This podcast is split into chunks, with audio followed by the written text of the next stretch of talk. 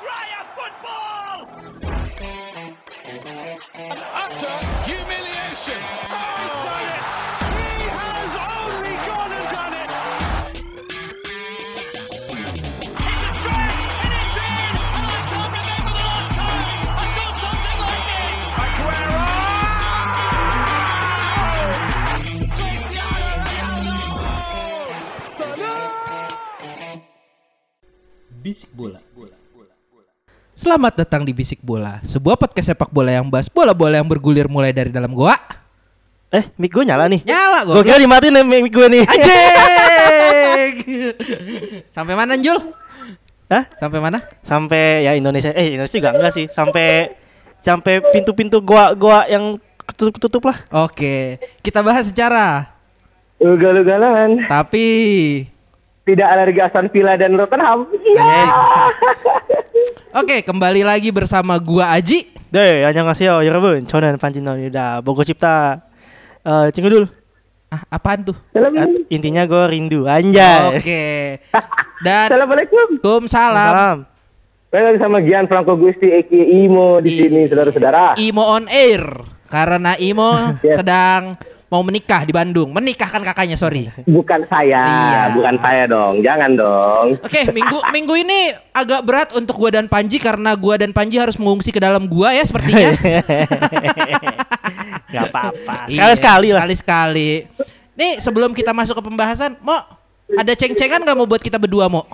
Ya emang pada dasarnya namanya juga tim dari kota bukan ibu kota ya. Tim dari kota pelabuhan emang udah harus nasib sama sih. ya, sama-sama dibantai. Karena sorry nih, Aston Villa itu kan mendekat ke London kan dan Tottenham itu tim London. Jadi ya Anda harus merasakan lah gelora-gelora ibu kota. Ya, Emang sejahat-jahatnya ibu tiri nggak sejahat ibu kota sih. anjing. Tapi jangan salah, di podcast kita Yes. biasanya tulahnya banyak. Lihat aja nanti. Jul, gimana nih Jul? Eh, tim Liverpool dan Manchester United sepertinya sama-sama satu hati. Iya. Terbantai 5-0 kalau secara garis besar. 61 dan 72. 72 ya. Se- eh, ini gue takut memberikan efek domino di ke depannya Jul. Hmm. Menurut lu gimana Jul? Oke, gini, gue mungkin masuknya ke MU dulu kali ya. Iya, lu, lu cinta banget sama MU gue tahu. gue. Eh, gue kalau ngelihat MU mendapatkan hasil seperti ini sebenarnya eh, kaget juga nggak terlalu kaget karena memang That's it. permainan United dari awal musim ke sana juga masih naik turun gitu kan. Ya pramusim aja kalah. Nah, musimnya kalah dan gue mengkutip perkataan Smith di minggu lalu ya, Iya. bahwasanya United ini masih rely sama individual aja. Mhm. Jadi emang nggak terlalu kelihatan eh, permainan teamworknya kan. Nah, Iya. gue nggak akan bosan-bosan lagi eh tidak akan pernah bosan meng-highlight se- seorang Harry Maguire Oke kalau udah ngomongin MU ini pasti gue ke dia deh lo lihat ya sih uh, video dia nge lagi defense nih Dikolongin, Pak. Hah? Dikolongin kemarin gol keempat. Oke di gue gak gue gak Dikolongin sama pemain Tottenham, Pak. Gol keempatnya ya. Ya, itu- tolong, tolong. itu gua Di garis bawah itu. itu, itu itu juga mungkin jadi poin-poin bagus ya tapi Iya. yang yang nggak habis pikir adalah dia tuh nge-cover timnya Luke Shaw kalau nggak salah dia nge-cover Luke Shaw itu di gol Di- pert- gol pertama setahu gue Oh gue. iya yang ke mulut depan Hah. De Gea banget ya. Iya, iya, iya, ah. iya. Bukannya lo nge-cover uh, lawan lo, tapi lo nge-cover malah tim lo. Malah awalan dari golnya uh, Spurs yang pertama kan Son Heung-min ya yang pertama. Iya, Son. ah. Itu kan Harry Kane dapat free kick dan dia ngambil cepet. Iya, Itu Harry Maguire bener-bener off position banget. iya dia nggak konsen. Gue tahu Nah, di situ. Dia ngapain maju banget dan dia nge-fall. Iya. Udah tahu nge-fall dan dia nggak track back langsung. Udah tahu lalu Son Heung-min larinya kayak kancil kan, susah. Ya yang bisanya memang lari sebenarnya. Iya, minum ginseng larinya jauh kan, ya kan dan gol. Jadi emang bener-bener nggak ngerti sih sampai seorang Petis Evra aja tuh. Oh iya gue lihat yang di Ah. Sky Sports yang seberapa Evra marah dan gusarnya dan iya, seingat gue Gary Neville juga ngomong eh, ini disaster. yes, gue. yes, banget banget. Kayak gini deh, di saat pemain seperti itu baru satu musim dari dan dijadikan kapten, udah speaks a lot oleh squadnya United bahwasanya di situ udah nggak ada sosok pemimpin. Let, Nah, let iya, iya. alone di pitch di dressing room aja nggak ada. Jadi gue nggak kaget kalau melihat eh, hasilnya. Kalau hasil kalah gue kaget, tapi dengan skor satu Dengan seburuk itu ya. Iya dengan seburuk itu dan lo lawannya Jose Mourinho bro. Iya iya iya iya. iya. Yang dikenal dengan pelatih pragmatis yang Ah. emang mainnya ya saklek gitu aja dan Harry Kane asisnya banyak loh. Iya kemarin. Wa- walaupun- dan golnya dua ya seinget gue. Mm-mm, dan dia dua-dua. ah. Ah, jadi memang gue tidak mendiskreditkan Tottenham Hotspur tapi Ya Unitednya jelek. Ya emang MU nih sorry sorry itu saya aja gue akan ngomong sekali ini aja emang kayak kontol mainnya. iya. Ya jadi ya memang benar kata gue gue gue mengamini karena gue merasakan juga sebenarnya. Iya. Ya, kita bahas itu nanti Iya. nanti santai Nah, aja. jadi kalau buat buat United ini menurut gue tidak akan menjadi eh, yang pertama kalinya, bukan dari sekolah lain ya, Iya, iya, tetapi iya. secara outplayednya mereka ah. itu bakal outplay. Tapi ingat juga ya, eh, United kemarin ada kartu merah, ya jangan lupa. kartu merah eh, ah bercanda itu Nah, anjing kartu nah. merahnya. Nah, tapi gue mau ke Imo dulu nih. Mo, kalau dari pandangan lu gimana Mo yang match kemarin Mo? Sebelum kita bahas match ke depan ya. Oke, kalau dari gua nih, ini emang udah udah jadi PR-nya Manchester United. Ya. Di bursa transfer kemarin kita kita recap lah ya, transfernya belinya DMF Van de Beek, Oke. ya kan? Hmm. Penyerang. Oke. Penyerang yang gratis tuh Cavani. Ah. Dan gak ada sama sekali beli back gitu loh. Ah, Ya kan? Ah. De- ya MU cuma hanging sama Bailey, sama Maguire, sama Lindelof. yes. Ya dari back tengah. Seingat Ah. gue tuh nggak beli back tengah ya Mm-mm, kan. mm-mm. Dan ini tuh udah jadi teguran gitu loh. Yang Mourinho yang udah main parkir bus bisa ngebantai 6-1 ya. Iya. Ini kan ini kan hal aneh gitu loh kan. Dan udahlah, emang kiper Spanyol tuh lagi lagi nggak lagi nggak on fire semua. Hmm. Ya kan Kepa lagi sangat bagus banget Kepa ya musim ini ya. Banget. De Gea juga lagi pertanyaan Ya. dan juga ya eh, ya masuk ke Liverpool mungkin Adrian juga lagi lagi tanda tanya gitu loh. Ini Ah. udah udah saatnya manajemen ya. Jadi sekarang gue nih yang ahli manajemen ya. ini udah harus berpikir sebaiknya eh Denika technical director lo harus dari orang yang ngerti bola sih. Biar Oh. tahu bahwa ya dari klub itu bukan hanya beli untuk value dari klub tapi juga harus punya kebutuhan. Udah udah cukup tamparan besar lah. Lu mengulang kejadian lu dibantai City 6-1 di Old Trafford. Jadi Old Trafford udah nggak horor lagi sih menurut Ya, gue aja. gini mau, gini mau. Eh, ada sebuah perbedaan besar di saat MU dibantai City dan kemarin dibantai Tottenham. City menurut gue Oke. adalah hal yang wajar waktu itu karena dia sedang naik-naiknya dan skuadnya itu Oke. lumayan oke dan waktu itu kalau nggak salah gue tidak punya striker mumpuni selain Wayne Rooney ya. Itu sebelum Van Persie Ya. masuk seingat gue. Jadi ya wajar dan tidak terlalu memalukan seperti dibantai 6-1 oleh Tottenham. Malu sih cuma ya malu malunya City tetangga wajar lah Hmm, itu. Tapi kalau Tottenham ya anjing lu mecat pelatihnya, Hmm. lu mengetawakan skuad Tottenhamnya dibantai 6-1. Itu sih gua nggak habis pikir. Hmm. Eh, Iya. Oke, kita pindah ke Liverpool. Hmm. Liverpool Uh, senang sekali. Bangsat. Liverpool tidak menunjukkan kelasnya kemarin ya bisa gue bilang. Eh, tadi dulu Angel ya, ini gue dari masukan dari gue ya. Kalau menurut gue Hmm. kemarin eh, banyak yang ngomong itu adalah perkara kiper, tapi tidak sepenuhnya kiper juga. Hmm. Liverpool itu kemarin eh, mainnya cukup bagus, cuma ada beberapa faktor kayak miss apa ya? Nah. Mane nggak main ya, seingat gue. Gak main. Mane nggak main. Abis itu siapa? Alisson gak main. Alisson nggak main karena cedera ya. Tiago gak main. Tiago nggak main. Hmm. Dan gue ngelihat kayak backnya Liverpool itu apa ya? Gue ngomongnya ya, Apa? kayak kurang konsentrasi ya. Oke. sih? ah. Kalau dari lu gimana? Gue gue setuju banget sih sebenarnya karena menurut gue kemarin terlepas dari tidak tidak ada Mane, tidak ada Alisson, semua permainan eh sebuah semua pemain starting eleven gue kemarin gak ada yang bagus mainnya. Dan ini menurut gue adalah domino efek di mana sebenarnya awalannya tuh masih bisa keep up ya. Eh enggak benar keep up juga sih karena golnya menit keempat. Ah, ah. Dan dan diawali oleh blundernya seorang Adrian gitu kan. Adrian ya. Di podcast ini gue pernah bilang kalau Hah. misalnya gue bilang Adrian tuh kiper kedua terbaik Liverpool selama gue jadi fans Liverpool. Kedua terbaik, kedua terbaik lu begitu loh. Maksud gue kayak selama gue jadi fans Liverpool, kiper backup gue terbaik tuh dia. Ah, nah, ya. tapi gue mau narik perkataan gue sih. Dia- setelah kejadian kemarin. sebenarnya ini kayak event leading up to the event kemarin sih karena ada beberapa pertandingan kemarin yang emang dia juga udah nggak jelas mainnya dan ditambah lagi kayak kemarin itu tuh aduh kayak playground mistake banget soalnya lo oper ke tren kalau iya dekat dekat tren Aha. tapi dapatnya ke pemain Aston Villa Nah. jadi kayak di saat ya gini deh sebagus-bagusnya defensive line lo Ya, di saat kiper lo in- unreliable pasti Ah. akan ada rasa nervousnya di sana ya. gitu Apalagi udah kebobolan duluan. nah dan gue kayak gitu Iya. ya udah Tapi menurut gua kalau kemarin tentang Aston Villa juga Aston Villa juga bermain tidak cukup buruk sebenarnya. Hmm. Mereka memanfaatkan ruang yang kadang-kadang emang gimana ya gue ngomongnya. Ini Liverpool kan kalau defense 3 back ya, seingat gue. Hmm, ya Eh, untuk satu overlap entah Ya, kiri entah kanan ya, kan. ya, ya. Di situ biasanya eh apa ya? Apa Aston Villa Hmm. itu kayak memanfaatkan celah di situ lumayan bagus loh. Oke, gini. Jadi Liverpool itu kan defense-nya kan uh, high defensive line ya. Iya benar. Jadi Karena ngeri- lu lu ngepres banget. Nah, karena dia nge-rely sama uh, offside. Mm, Intinya mm. di saat lo main high line defensive line, lo bakal selalu rely sama offside. Iya. Tapi kemarin bener-bener nggak ada karena kemarin umpan-umpannya tengahnya Aston Villa tuh bagus semua. Ah. Jack Grealish kemarin mainnya bagus banget. Itu kenapa gobloknya beli Van de Beek bukan Jack Grealish? Nah, nggak ada nggak ada nge-support Bruno sebenarnya di Iya, United ya. Nggak Kemarin ada duit MU-nya, nggak beli Grealish tuh nggak ada duit. ada, Ada. cuma dividen, jadi dividen. Ownernya pengen punya Utang dulu sama duit. Chelsea lah. Ya. Chelsea dulu santai. Oke. tapi tapi gimana Jul kalau Balik lagi Nah, jadi emang di saat defensive line gue tinggi dan bola over the top ya on point dan runnernya Villa kemarin juga on point semua larinya bener-bener sebelum dari tidak di tidak di posisi offside ya semua dari, Iya, iya, iya. dan semua dari posisi onside golnya kebanyakan kayak gitu Nah, tapi kalau menurut gue itu juga Liverpool skemanya bisa berjalan dengan baik ketika ditopang dengan seorang kiper yang baik juga untuk Hmm, menjaga hmm. garis terakhir. setuju setuju Kebetulan aja kemarin kipernya kurang baik. ya Hmm. Makanya menjadikan hasil 7-1 seperti itu ya. iya ke eh, kemudian 7-2 sorry. 72. Ah, kemudian juga gini, kalau misalnya emang defensif eh gini deh, kiper gua kan lagi nggak bener nih kan. Ah, Setidaknya depan gua harusnya bisa memberikan ah, jawaban yang lebih gitu kan. ah, de- depan lu juga pincang masalahnya. Eh, menurut gua gini, pincang di mana iya, tetapi cover dari Diogo Jota tidak terlalu jelek menurut gua. iya, gue Nah, yang itu. ingin gua highlight adalah pemain yang selalu gua puja-puja sebenarnya, Roberto Firmino. Ah, Dia- Nyonyo Firmino. Nyo. Nah, jadi kalau fans-fans rival tuh selalu bilang Firmino tuh bukan top-top striker.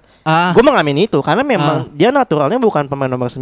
oh, oke. Dan di di Liverpool pun dia bukan bisa dibilang striker tapi tugas utamanya bukan mencetak gol. Ah, Hanya menjadi link up play antara Salah dan Mane. oke. Nah, tapi yang menjadi worry gue adalah adalah penurunan performa dari season 17-18 ke 18-19. Ah, sih, Nah. sih, sih. Eh, gol inputnya Firmino musim kemarin tidak sebanyak gol inputnya dia dari eh, musim sebelumnya. Oke. Bahkan buat gol di Anfield aja baru di match day terakhir lawan Chelsea. Hmm. Nah, kemarin tuh bener-bener finishingnya tuh jelek banget. Ah, Bener-bener dan ini yang jadi dilema sebenarnya. Di saat uh, Liverpool tidak memainkan Firmino, sistem tidak akan jalan. ya. Tetapi di saat Firmino main, tapi dia nggak ngasih threat yang lebih, ah. itu juga jadi dilema. Ngapain gue mainin dia? Iya, iya. nah, mungkin agak shout dikit ya. Mungkin udah waktunya Firmino di drop dulu deh, dua tiga Oh, pertandingan. Ganti Nah, dulu ya. Ganti dulu Minamino. Tambah hancur. gak apa-apa, gak apa-apa. Nih, tadi Imo udah nambahin belum sih nih Liverpool? Coba Imo. Gue lupa. Kalau dari lu gimana mau buat Liverpool mau? Oke, Liverpool ini sebenarnya kalau melihat Alisson musim kemarin sih, gue tuh juga banyak cederanya ya gak sih? Iya, iya. Nah, seharusnya Liverpool ini itu biar harusnya punya kiper yang memang bisa menggantikan seorang eh Alisson, Alisson Becker itu sendiri. Iya. Contoh kecil lah, ketika eh, Chelsea itu punya ini Amerika sama Chelsea ya, punya kiper cadangan yang memang experience.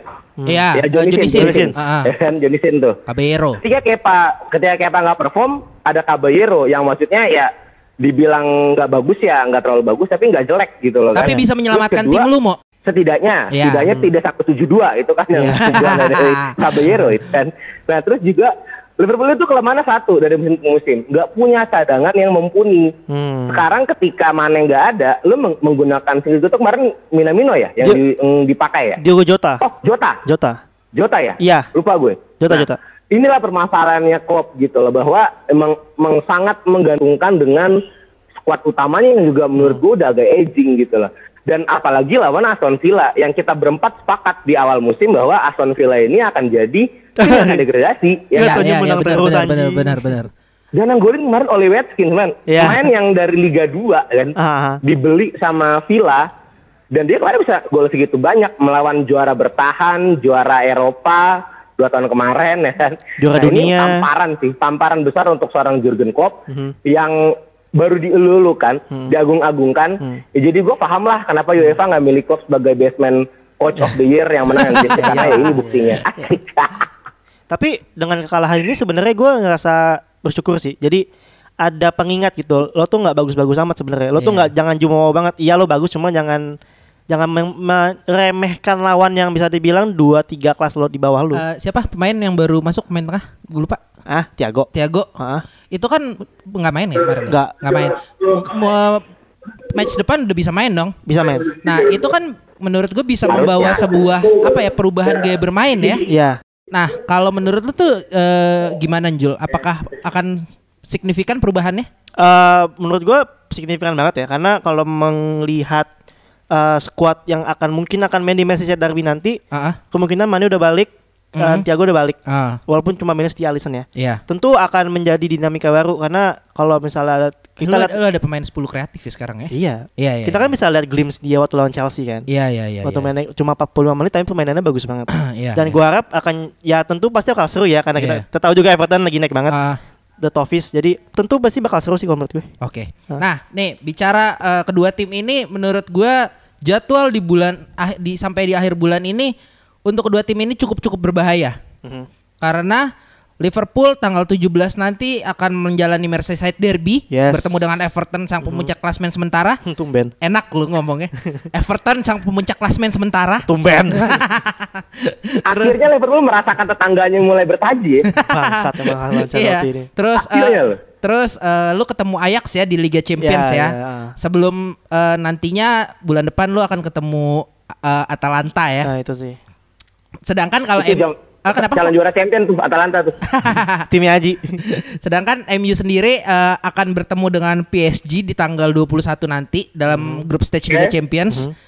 Ketemu 5-0, Chelsea tiga hari kemudian eh, tanggal 24 ya pasti menang lah ini 10-0 lah.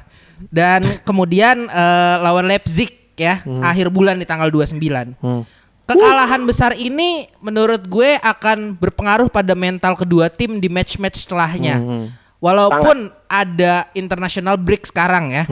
Cuma menurut lu gimana sih apalagi apa ya lawannya lumayan-lumayan tangguh nih.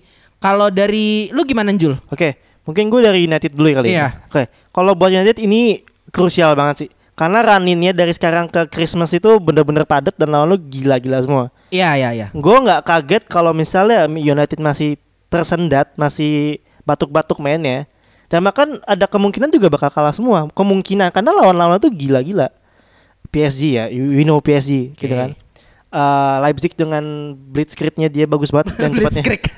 Itu dia mainnya bagus banget. Tolong jangan jangan gunakan itu dong. Oh iya maaf maaf maaf maaf maaf maaf maaf. Dia main itu juga bagus dan di ketemu Chelsea Heeh. yang formnya udah mulai naik nih. Iya. Udah mulai tan- udah mulai enak nih mainnya nih. Iya, iya, Havertz iya. bener. Ah. Gue nggak kaget sih kalau misalnya nanti di Christmas dengan jadwal pertandingan ini uh, Sepadat ini. sepadat ini dan hasilnya kurang memuaskan. Iya. Jangan kaget kalau misalnya udah ada gaungan-gaungan oleh out nanti. Oh, oke oke oke Mm, oke. mm, mm. Jadi dan menurut gue juga nggak apa ya kemungkinan menangnya kecil banget sih. Oh, oke. Eh. Kalau dari lu gimana mau untuk MU dan pertandingan-pertandingan selanjutnya mau?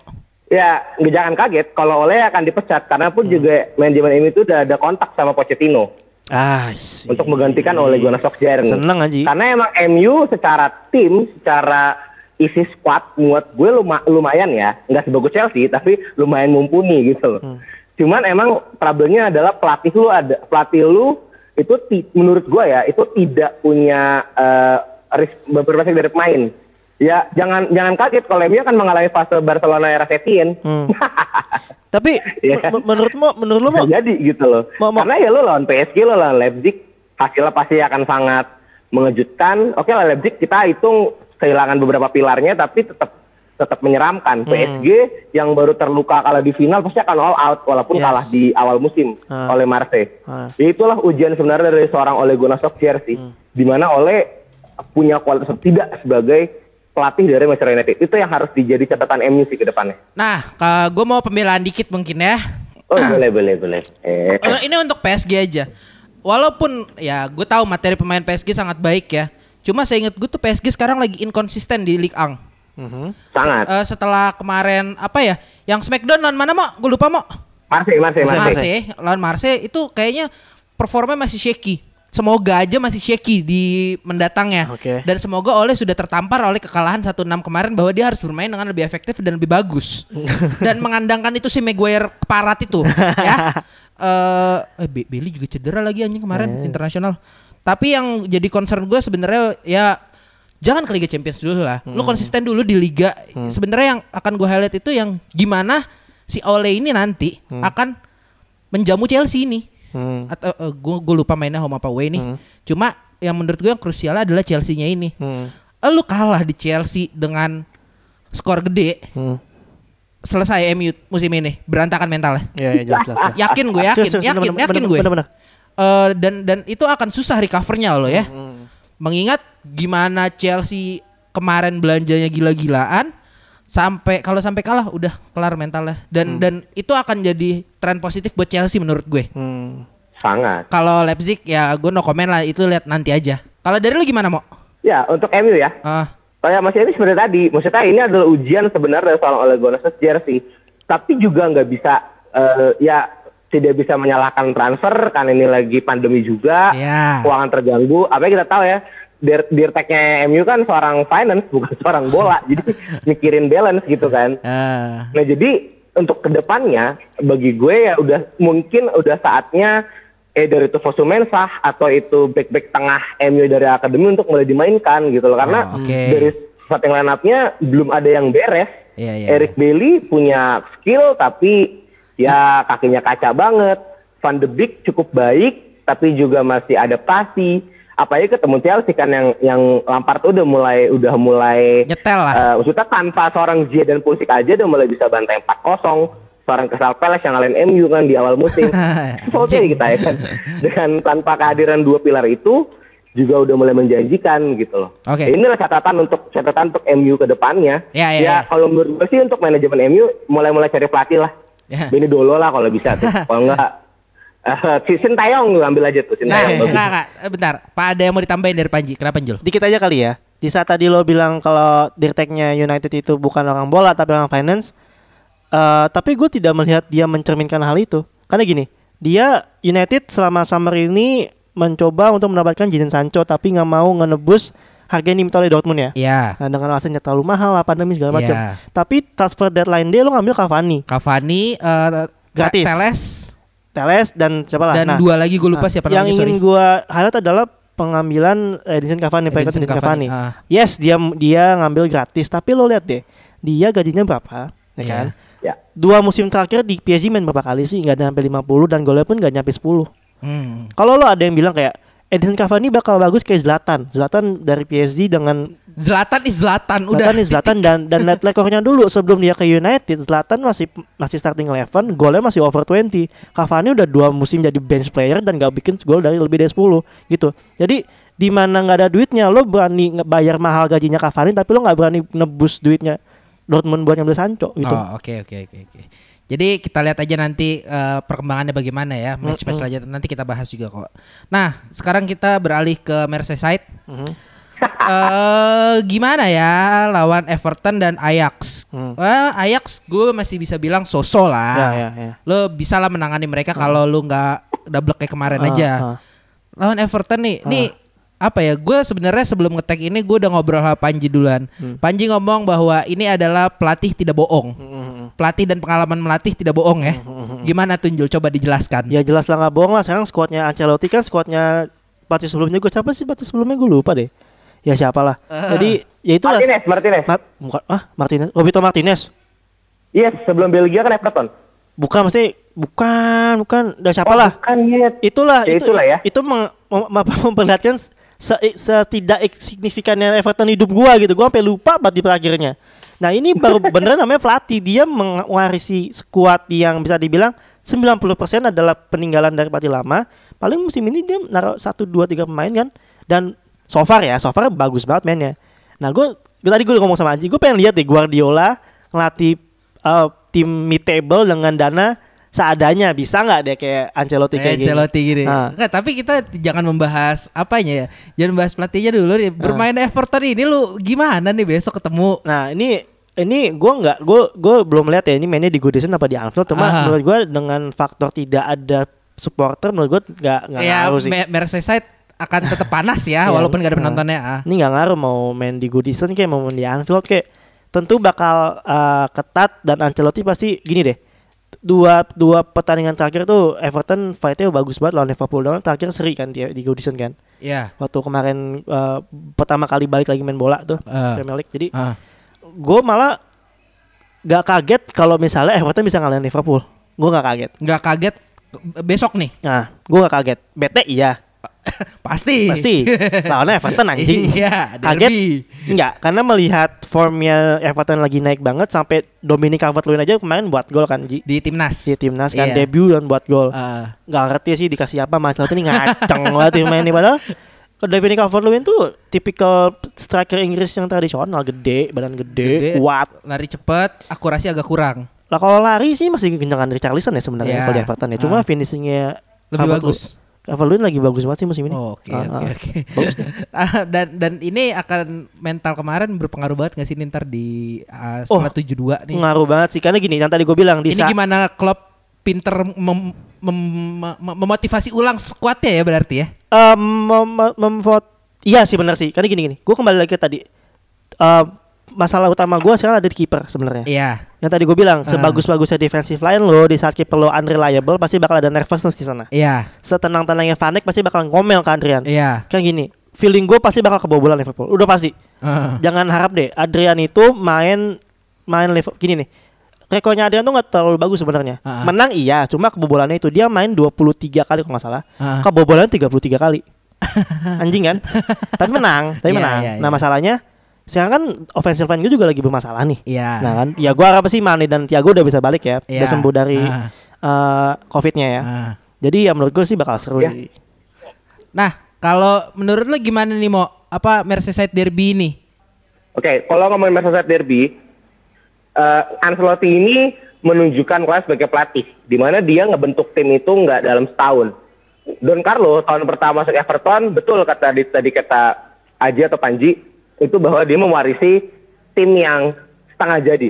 Everton ini tuh gue udah ngikutin transfer dari 3 sampai 4 tahun terakhir itu selalu ada pembelian yang mengejutkan gitu loh. Moiskin, uh, let's say, uh, gue lupa tengahnya, ah, siapa? Andre, apa lah tengahnya tuh ada Andre Gomez CMF, Andre Gomez, terus juga Yerimina, banyak lah, banyak yang buangan-buangan Barca, buangan-buangan ditampung sama Everton. Apalagi sekarang Calvert Lewin itu udah mulai mateng kan, mateng banget. Eh, Calvert Lewin itu udah the best buat gue.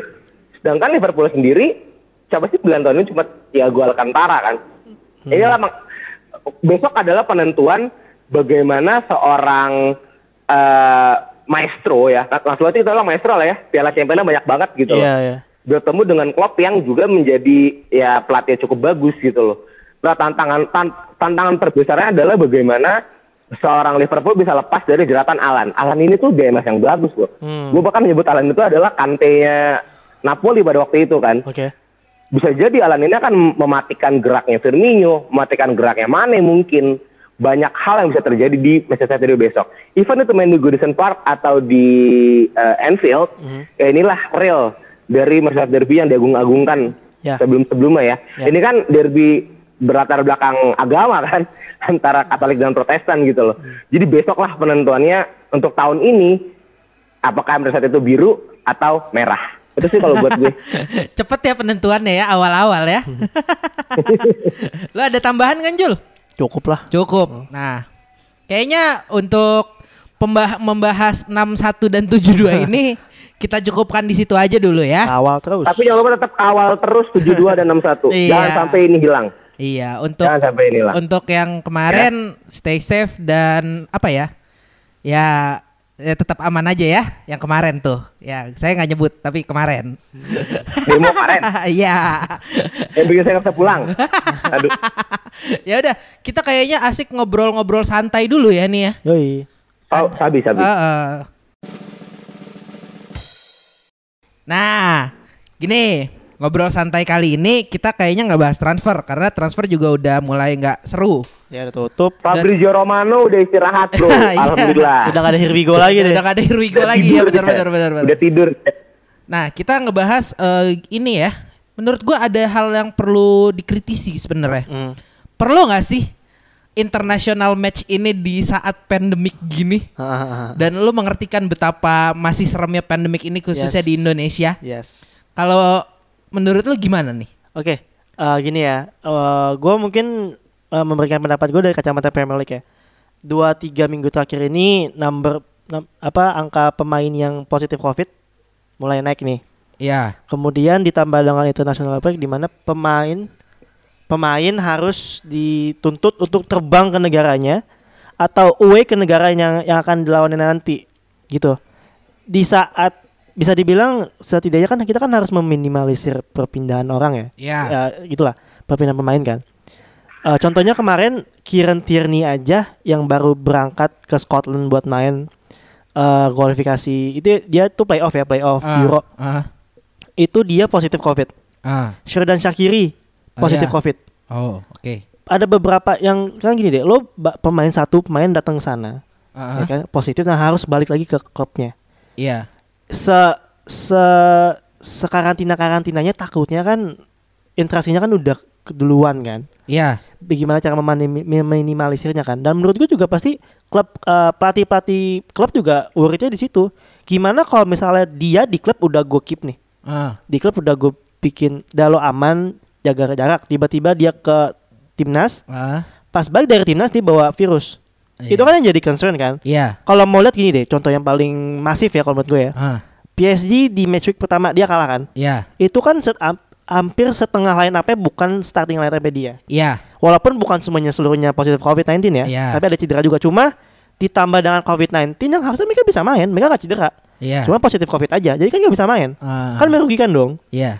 Liverpool deh, Thiago Alcantara COVID-19, Iya. Sa- Sadio Mane COVID-19, Sheridan Shaqiri COVID-19. Ah. Itu yang menjadi concern gue di mana kalau misalnya pemain-pemain top lu, pemain-pemain yang bisa dibilang rely ke lo rely ke dia, Iya. tiba-tiba nggak bisa main hanya karena virus ini yang sebenarnya bisa dicegah. Iya. Nah ini yang menjadi pertanyaan gue, kenapa FIFA tetap memaksakan adanya international football? Ah. Kalau misalnya memang untuk uh, skenario yang ini ya, yang Scotland, Wales kan dia kan main playoff ya. Iya. Ya udah negara-negara itu aja yang main. Ah. Dan kalau bisa, kalau bisa proximity-nya ya di, di, di- dikecilin aja gitu loh. Oh, iya. Kan gini deh, ada juga negara-negara Amerika Latin yang memanggil pemainnya Oh, iya. untuk friendly match. Buat apa? Dia tuh terbang jauh loh, bre, antar benua. Pemain Asia deh. Masa dia mau Eropa ke Asia, Asia ke Eropa lagi kan nggak make sense make gitu loh. iya. Ya. Kalau argumentasinya adalah kita tadi gue bilang kan untuk playoff uh, Euro, ya deh, ya deh. Hmm. Tapi Untuk kompetisi ya itu ya, ya. tapi proximity-nya mohon dikecilkan itu kan. Jadi concernnya ya kembali ke uang sih sebenarnya. Karena FIFA juga butuh match day kan, Ah. untuk buat income kan. Ya itu Iya. sih masalahnya. Nah, kalau dari lu gimana mau tentang international friendly di saat pandemi ini mau atau international match ini mau? Jangan, jangan lupa bahwa di 2021 kita akan punya banyak international cup lah ya. Iya. Ada eh, apa sih Komebo eh, apa Copa America. Iya. Copa America itu 2021 main.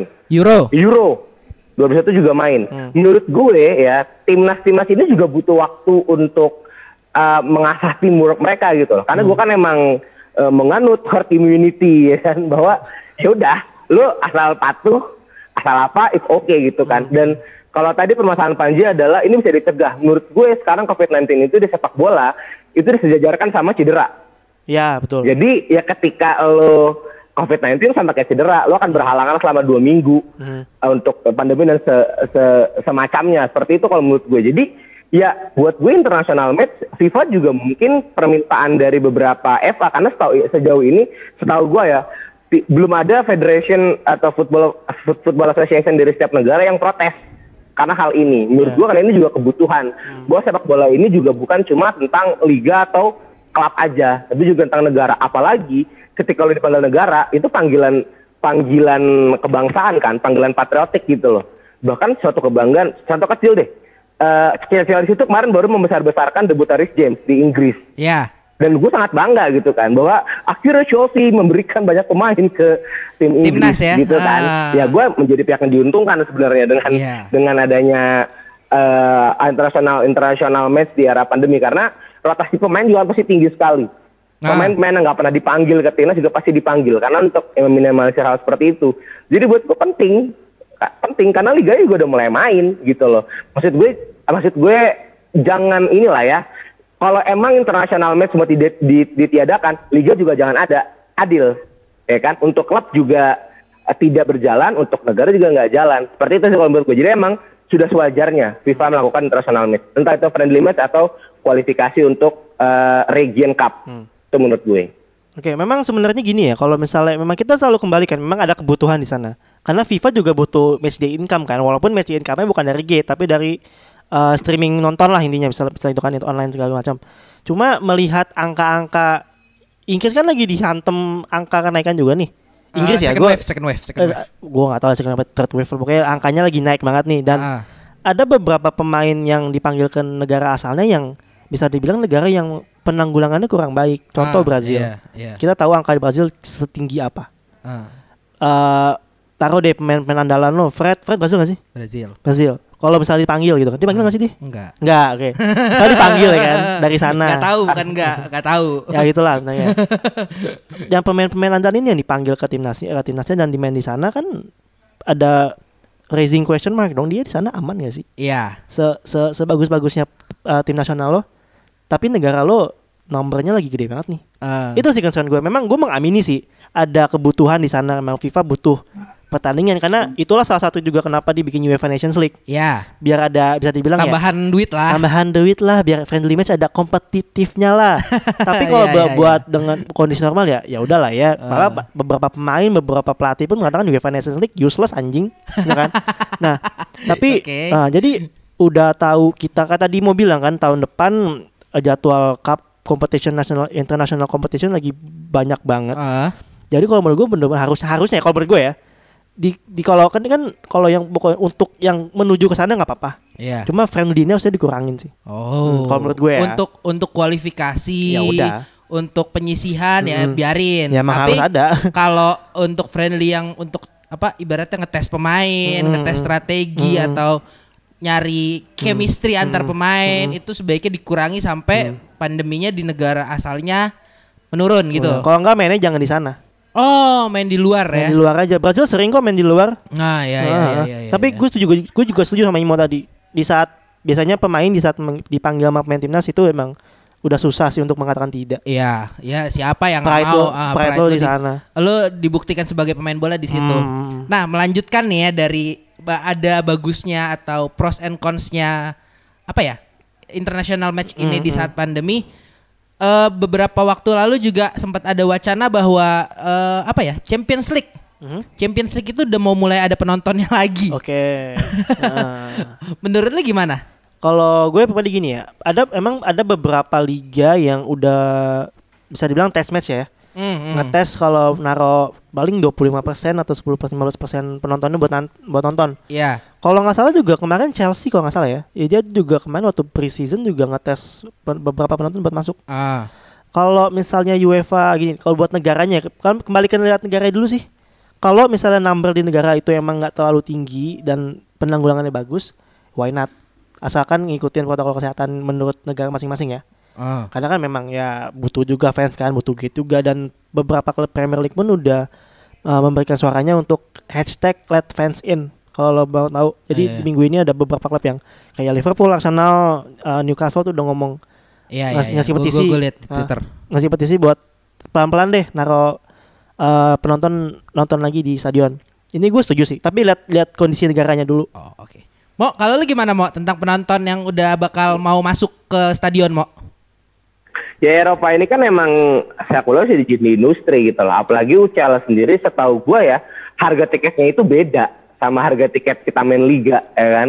Ya. Nah bagi gue ini adalah salah satu strategi bisnis. Contoh kecil deh, ketika lo hanya memasukkan 10 sampai 25 persen penonton ke stadion, harga tiketnya akan jauh menjulang tinggi pasti dong. Hmm, kayak naik bus tuh. Ini sangat VIP sekali bisa nonton kan. Ya, ya, ya. ya. Memang kemarin Pak Haji sempat mention bahwa Chelsea ya, Chelsea tadi ya sempat masukin pemain eh, penonton ya. Bener gak Iya. sih mu?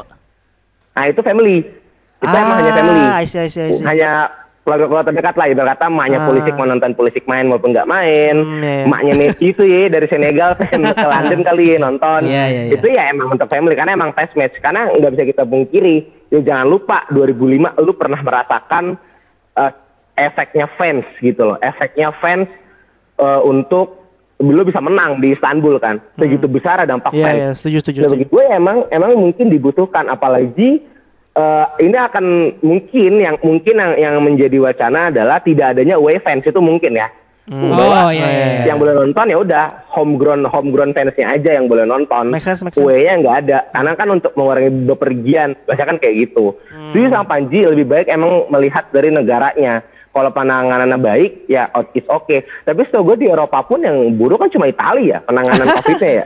Tapi jangan Iya kan? salah loh, di Itali tahun ini timnya sangat banyak ya di Liga Champions masuk 4 Nah, saya ingat gue. Empat. Heeh. Ya un- untung nggak ada Ahmad ya.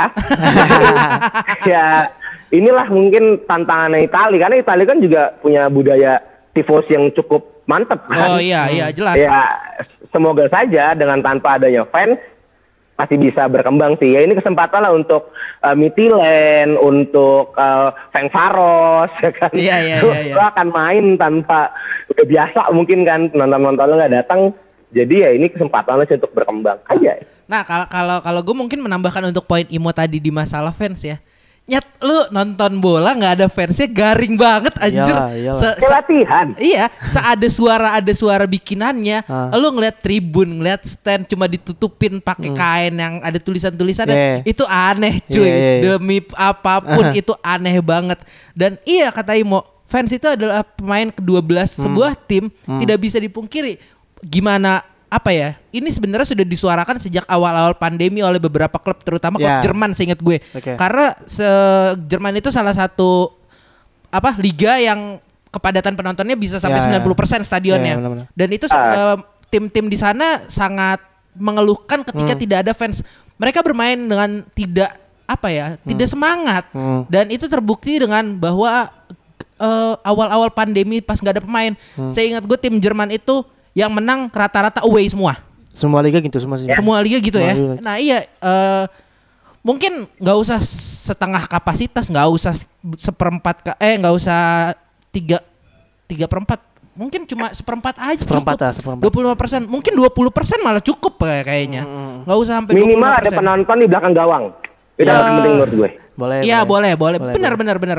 Atau emang benar-benar disebar secara ya scarce aja Ya, di situ. ah, ah. Nggak, yang penting ada penonton, ada atmosfer Ya, pertandingan ya. yang dihasilkan oleh eh, penonton-penonton di sana. Betul, gue setuju sih karena ya kembali lagi eh, salah satu elemen pertandingan sepak bola ya penonton gitu Nah, kan. penonton, lu merasakan di 2005, eh, Chelsea merasakan di 2012, gue merasakan di 99.